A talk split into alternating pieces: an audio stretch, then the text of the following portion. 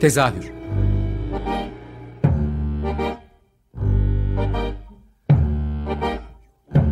İstanbul tiyatro hayatı üzerine gündelik konuşmalar. What keeps mankind alive? What keeps mankind alive? The fact that billions are daily tortured, stifled, silenced and oppressed.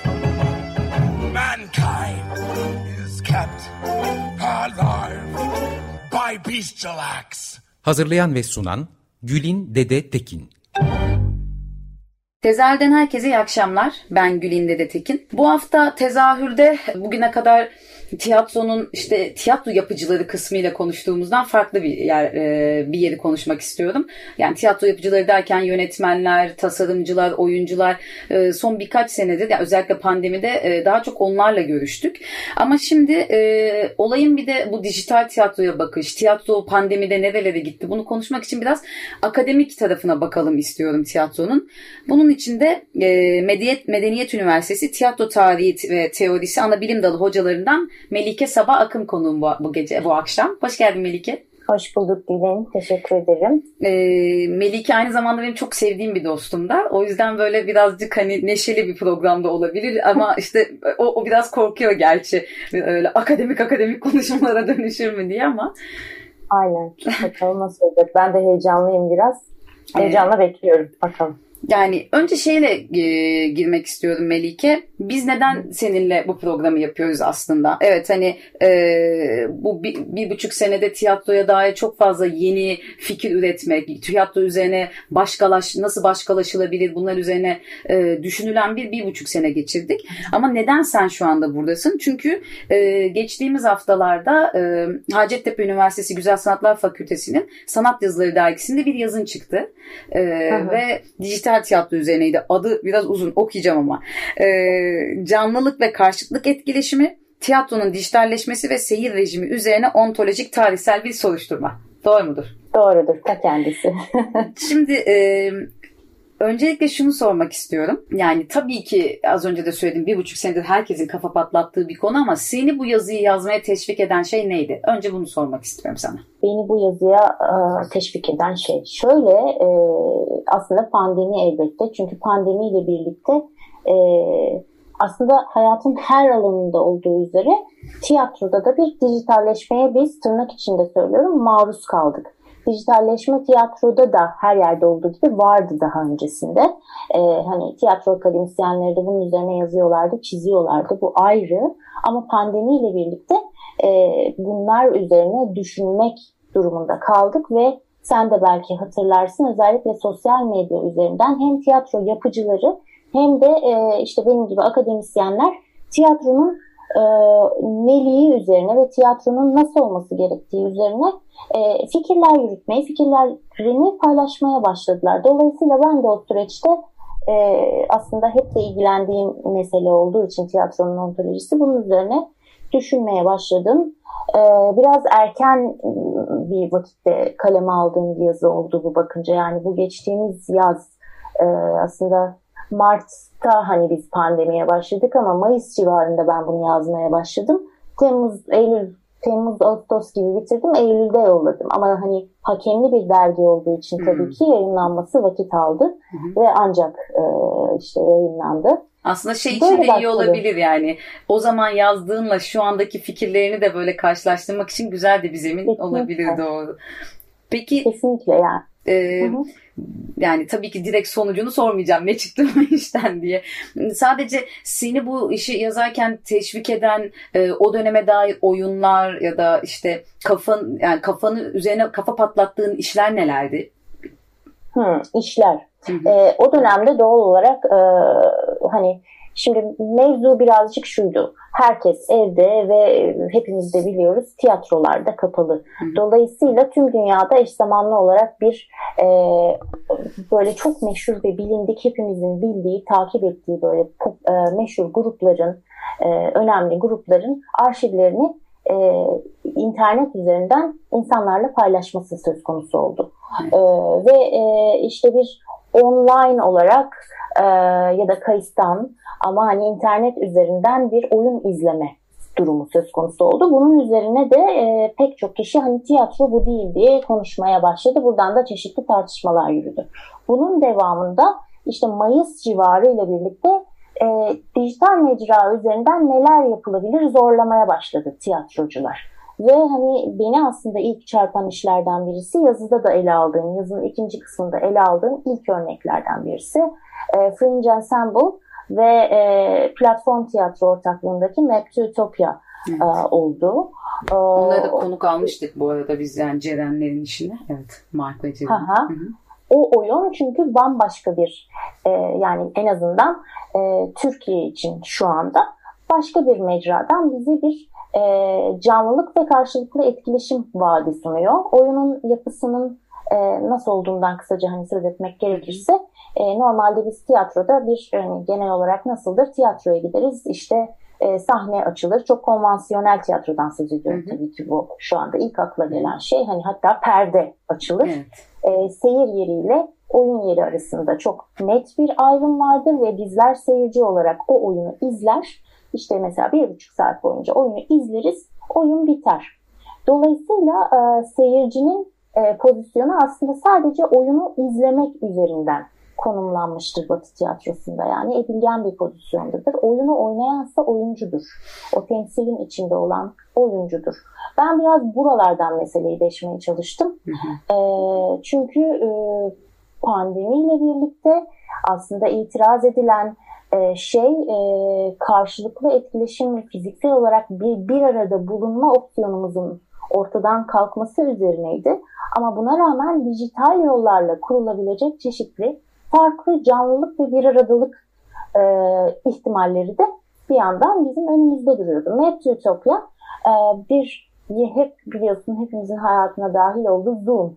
Zoom üzerinden e, Ceren Ercan'ın yine düzenlediği bir e, metni, e, bir öyküyü 5 e, oyun üzerinden kuruluyor ve işte 20 tane sanıyorum yanlış hatırlamıyorsam 20 tane de oyuncu var. Oyuncular ve pardon oyuncu diyorum seyirci evet, var. 4 oyuncu evet. hatta 5 anlatıcıyı da ala, şey de sayarsak 5 oyuncu doğru. E, ve bunlar Zoom üzerinden bir araya geliyorlar ve aslında seyirciler bir şekilde oyuncuların yönlendirmesiyle o oyuna dahil ediyor oluyorlar. Oyunun bir parçası olmaya başlıyorlar. Hı hı. Ve orada farklı bir karşılıklı yani belki de hiç olmadığı kadar yüksek oranda bir karşılıklı etkileşim açığa evet. çıkıyor. Mevzu Siyaset meydanı havası ben de katıldım. Çok keyifli bir işti gerçekten. Evet. Ee, öyle yani buralardan başladı. Bununla ilgili zaten tartışmalar e, yani öncesinde de hani e, akademik mecralarda var işte hani biraz oraları deştik tabii ki bütün e, tiyatro hı hı. insanları olarak bunlar üzerine düşündük. Böyle Peki e, çok klişe bir yerden e, şeyi sormak istiyorum. Yani tiyatro hep böyle şey oluyor ya tiyatro bitiyor mu? Tiyatro e, bu değil gibi bir e, tartışma hani temelde var ya. Bunun aslında temelden tiyatro neydi? Yani seyirci, seyir ilişkisi, oyuncu ilişkisi bu neydi Aha. ve günümüze gelene kadar yani çok e, kabaca bir kronoloji de çizebilir misin bize? Hani akademik e, bir konuşmada olacak ya. onu da sormak istiyorum. Çünkü yani temelinde neydi ve bugün nereye geldik biz? Aslında tiyatrodaki bu izlek hali değişti mi? Değişmedi mi? Değişebilir mi? De o, o soruyu da ayrıca soracağım sana. Peki. Ee, şöyle başlayalım o zaman. Milattan önce 5. yüzyıla gitmek durumundayız. Antik Yunan'a. Ve Antik Yunan'da 3 tane e, oyun yazarımız var bizim bilinen. İşte Aeschylus, Sofokles, Euripides gibi. E, şimdi bu tarihle birlikte aslında bizim bugün bildiğimiz batılı anlamda tiyatro tanımlanıyor. Nedir o tanım? E, bir metin var. Bu yazarların yazdığı bir metin var. Ve bu metni e, sahnede e, canlandıran oyuncular var ve onları izleyen seyirciler var. Dolayısıyla tanım ve tiyatronun e, olmazsa olmazlığı aslında buralardan belirmeye başlıyor küçük küçük. Hı hı. Şimdi biraz önden örnek verirsem mesela Peter Brook'un söylediği işte yazıda da değindiğim ve herkesin bildiği bir e, hani onun meşhur tanımı vardır. Tiyatro e, nedir diye sorduklarında şey der yani bir e, oyuncu ve ona bakan bir seyirci. iki kişi. Zaten aslında. boş mekan. Ya. Kitabın adı da boş mekan. Aynen. Ya. Evet, evet. evet. Dolayısıyla bir e, seyredilme koşulunu vurguluyor burada Peter Brook. Hı hı. E, ve bu tarihten itibaren Antik Yunan'a tekrar geri döndüm burada. Seyretme ve izleme üzerinden e, dolayıma giren bir tiyatro tanımı var. Bununla birlikte türeyen öte yandan aynı mekanda o anda birlikte bulunma tanımı var. Buna da biz tiyatroda presence yani mevcudiyet koşulu diyoruz. Yani seyircinin ve oyuncunun aynı mekanda bulunuyor olması ve icranın alımlamanın dolayısıyla aynı anda gerçekleşmesi. Öncesinde yani e, tiyatronun biz ritüellerden doğduğunu düşündüğümüz için işte Trambos ritüellerinden bu kadar e, belirgin bir tanım falan filan aslında ortada yoktu. Tiyatro e, ritüellerden dolayısıyla oyunlardan e, açığa çıkıyordu, oluştu. O yani ihtiyaç bu. Yani hani ihtiyaçları da kıyaslamak isteyeceğim de sonra o yüzden altını çizmek istedim. Yani evet ihtiyaç derken bir oyun oynama hali. Dolayısıyla bir e, belki de küçücük çocuklarda da hani bulunan işte Huizinga'yı falan düşünürsek yine evet. bir canlandırma, bir oyun oynama hali ve o dönemde hani oraya baktığımızda seyircinin aslında oyuncudan çok da bir belirli hiyerarşik bakımından bakımdan pek bir farkı yoktu. Herkes eşit düzlemdeydi. Karşılıklı etkileşim e, böyle baktığımızda yine vardı ama hani oyunu oynayanlar e, bu kadar aktif, seyredenlerse bu kadar edilgin değildi diyebiliriz. Peki bunu tarih boyunca hani senin de metninde bahsettiğin şeyler var ama Hı. kırmaya çalışanlar, bunu farklılaştırmaya çalışanlar yani içerik olarak ya da ilişkisel yani en temelde Brecht'i söyleyebiliriz mesela. Hı. E, yabancılaştırma efekti. işte Augusto Boal sen de zaten bahsediyorsun. E, bir onlardan bahsedip şeyi de sormak istiyorum sonrasında. Yani bağlamaya çalıştığım yeri önden sana söylemek için. E, yani bunu yani tiyatroyu e, birebir bir karşılıklı kalmadan hani o mevcudiyet hissini yakalamadan da başka yollarla saptırmak bu tiyatroya dönüşebiliyor mu? Yani dijital tiyatro bir tiyatro muduru sormak istemiyorum aslında ama hı hı. orada uygulanan şeyi dijital tiyatro da bu Brecht'lerin yaptığı gibi bir şeyi farklılaştırmayı karşılıyor mu aslında? Böyle bir tam anlatabildim mi sorumu bilmiyorum. Aşağı yukarı anladığım bir şey var ona cevap vereceğim. Tamam. Aslında anlattım bence. Şöyle bir yerden ben şimdi şöyle bir yerden tarif ettim meseleyi birazcık.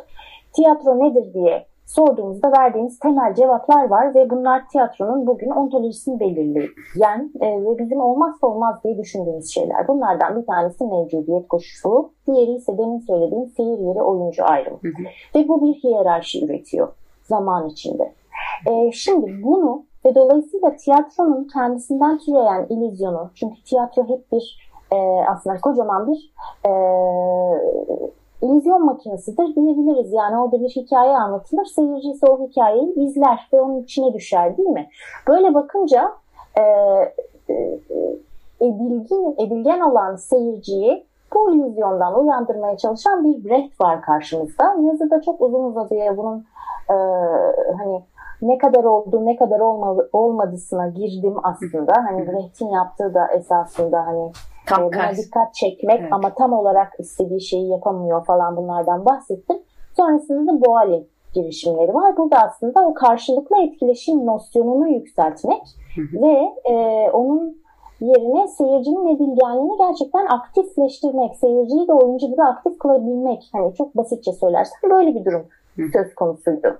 Şimdi senin sorduğun meseleye gelince zaten e, sanıyorum benim de en başından beri ilgilendiğim şey bu olmazsa olmaz diye tarif ettiğimiz şeylerin senin değişim diye sorduğun şeyin yani gerçekten teatral olanı eksilttiği ya da hani arttırdığı e, ya da bozduğu, bozmadığı yani buralarda neler oluyor bunlar üzerine evet. akıl yürüttüğüm için e, dijital tiyatroda da e, daha doğrusu tiyatroda dijitalleşmede de bu iki kavramın da birbirinden ayrı düşünülmesi gerekiyor. Kesin. Bir yandan. E, bu soruları tekrar gündemimize aldığını belki söyleyebilirim. E, Peki senin bundaki hissin nedir? Yani e, bir şeyi eksiltip eksiltme kişisel olarak soruyorum. Hani akademik tarafı da bir kenara koyduğumuzda. Yani bu süreçte sende nasıl bir karşılık buldu dijital olan tiyatronun dijitalleşmesi diyeyim? Öyle.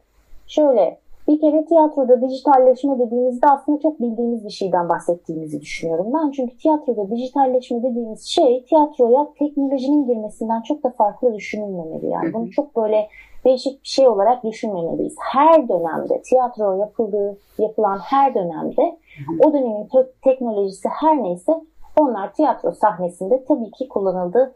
Hayatın her yerinde kullanıldı çünkü. Yani hani e, Sofokles sahne resmi, skenografi dediği şey, dekoru icat ettiğinde bu da bir teknolojik e, unsurdu sahne için.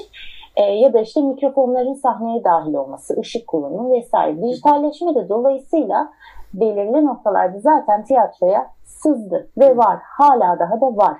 Bu ayrı bir şey ve hani bunun zaten eşyanın tabiatı gereği bu böyle de devam edecek. Bununla ilgili hiçbir problem olduğunu düşünmüyorum. Dijital tiyatro mevzusuysa bana kalırsa aslında yine bir mevcudiyet problemine dayanıyor gibi düşünüyorum.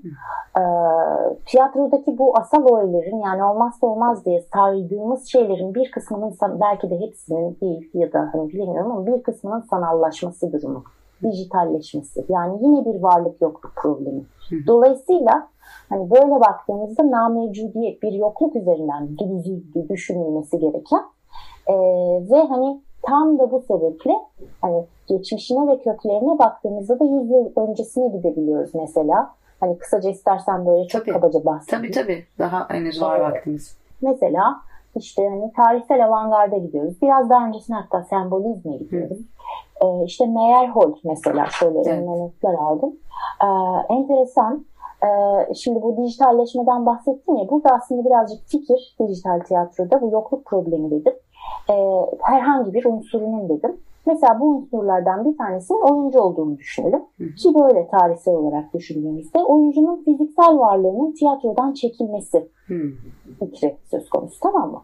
Mesela Materlink ilk oyunlarını kuklalar için yazıyor ve e, hani sembolist bir tiyatro yazarı. Dolayısıyla gerçeklik üzerinden bir anlatı kurmaya çalışmıyor. Sembollerle hareket etmeye çalışıyor. Dolayısıyla simgelerin bir insanın etkin varlığını yani aslında oyuncunun varlığını asla tam olarak destekleyemeyeceğini söylüyor. Ve sürekli kuklalar, gölgeler hayal ediyor tiyatrosunda.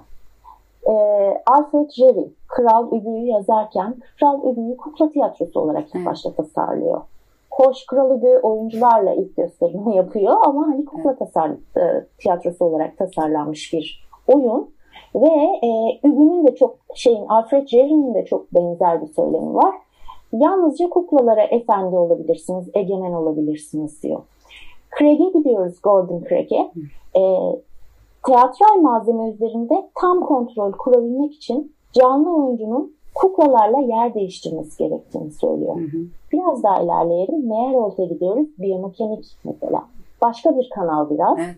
Ee, yani sonradan oyuncunun bedeni ve fiziksel varlığı üzerinden de açılacak bir kanal.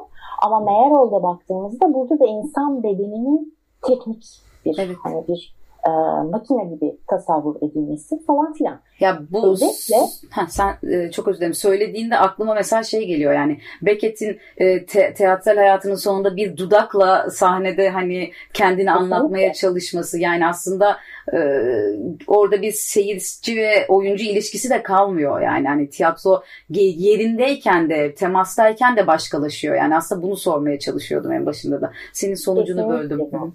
Tam olarak bu. Sen de Beckett dediğin için çok iyi oldu. Mesela Beckett de diyor ki enteresan duydum bilmiyorum. En iyi oyun içinde oyuncuların olmadığı evet. sadece metinlerden ibaret oyun diyor. Evet. Yani onun tasavvuru metinlerden ibaret ama yine oyuncuların olmadığı. Evet. Dolayısıyla başa dönersem oyuncunun varlığını eksiltmeye çalışan bir e, yüzyıldan söz ediyoruz. Oyuncunun varlığının 90'lara geldiğimizde cyborglar belki cyborg fikri, robotlar işte o kuklanın yerini robot alması, oyuncunun varlığının kontrol edilebilir, edilebilir bir şeye dönüşmesi fikri söz konusu. Son bir 3-4 dakikada böl, böl, bölmüyorum Dudumadım. Şeyi de sormak istiyorum tam sana burada. Ee, bu söylediğin şey 100 yıl içerisinde geldiğimiz noktaya bakıyorum. Bir taraftan ya sana House Bühne'yi de soracaktım. Soramıyordum. Vaktimiz kalmadı da House Bühne'yi açın bakın diye buradan alttan bir dipnot olarak dinleyicilere vermek istiyorum. Melike ve Noyan Aytor'un yaptığı e, bu arada Dursa da müthiş bir e, YouTube kanalı. Neyse e, şey söylemek istiyordum. Ee, yani bu söylediğin şeyin Türkiye'deki son yıllarda geldiği şey tabii ki maddi yetersizlikler bir sürü şey ama tam tersi oyuncuya dönen bir hikaye anlatıcılığı.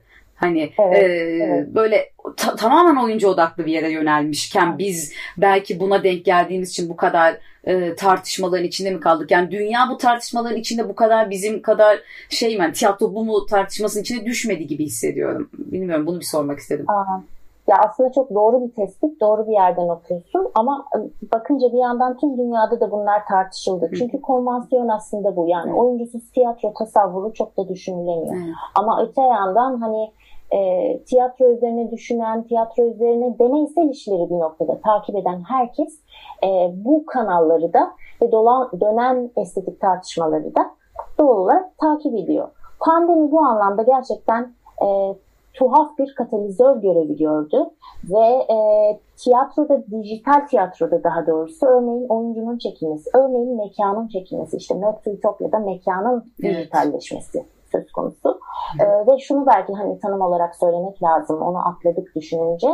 E, oyuna yani e, izlediğimiz performansa dramaturjik olarak doğrudan etki edecek dijital bir kullanım eğer söz konusuysa biz dijital tiyatrodan söz edebiliriz hmm. e, diyebiliriz. Yani hani oyun estetik olarak, oyun dramaturjik olarak gerçekten bir dijital unsur kullanımını içeriyorsa e, buna dijital tiyatro diyebiliriz. Örneğin işte Rimini protokolü izledik. Evet. E, şey, yine pandemi döneminde e, oradaki oyuncunun işte e, bir e, robot olması gibi. Hı hı. Hızlı geçtiğim için çok hızlandırdım burayı. Ya da var. Begüm diyeceğim ama soyadı gelmedi şu anda. Begüm, Begüm Erciyes'in işleri yani evet. seslenen parçalar vesaire. Pilot Talk'u seninle Belçika'da birlikte izlemiştik. Yani evet. e, deneyimlemiştik demek lazım bir taraftan da ama yani evet. karşınızda böyle mekanik bir ses ama aslında bir performans bir tiyatro da var işin içinde. E, tam dediğini karşılıyor galiba onlarda. Kesinlikle teatral bir şey. Evet. Yani Begüm Merciyas'ın izlediğimiz işinde bir sesi dinliyoruz ve bir karşılıklı etkileşim var yine. Yükselen şey aslında evet. karşılıklı etkileşim Hı. yine. Dolayısıyla dijital unsur burada ses e, ve ses oyunun bütününü dramaturjik olarak zaten e, yani oyunun göbeğinde yer alıyor bu fikir. Ee, son olarak söylemek istediğim bir şey var mı? Son bir dakikamız çok hızlı geçiyor vakit sana demiştim. Valla gerçekten hızlı geçiyor. Madem son bir dakika, bir dakikalık bir şarkı mı seçmeye çalışsam bilemedim. teşekkür ediyorum. Dilin. Ee, ee, ben teşekkür ederim katıldığın için. Ee, yani bunun üzerine daha uzun uzun da konuşacağız. Belli ki şeyi de çok konuşamadık. Hani bir sene öncesiyle bir sene sonrası arasındaki fark bu. Türkiye'de şu anda uygulanan tiyatronun dijitalleşmesi ve dijital tiyatrolar üzerine de hani Utopia'dan sonra çok ona benzer iş üretilmedi. Ee, daha çok canlı performansların online izlenmesi gibi işlere dönüştü. Ee, yani aslında Türkiye'nin dijital tiyatro ya da tiyatronun dijitalleşmesiyle olan e, mücadelesini biraz da konuşmak istiyordum ama belki biraz daha ilerleyen bir vakitte tekrar e, bunun üzerine oturup konuşuruz beraber. Olur. Güzel örnekler var aslında. E, evet. E, konuşacak çok şey var. Çok teşekkür ama ederim. Ama bence de güzel oldu. Ben evet. teşekkür ederim Gülün. E, ha, bu arada sesim için de çok özür dilerim biraz kısık ama umarım rahatsızlık vermemişimdir. Dinleyen herkese de çok teşekkürler. İyi akşamlar.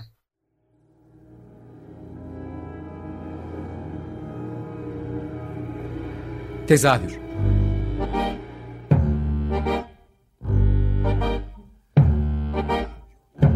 İstanbul tiyatro hayatı üzerine gündelik konuşmalar. What keeps mankind alive? What keeps mankind alive? The that billions are daily tortured, stifled, punished, silenced and oppressed. Alive by bestial acts. Hazırlayan ve sunan Gülin Dede Tekin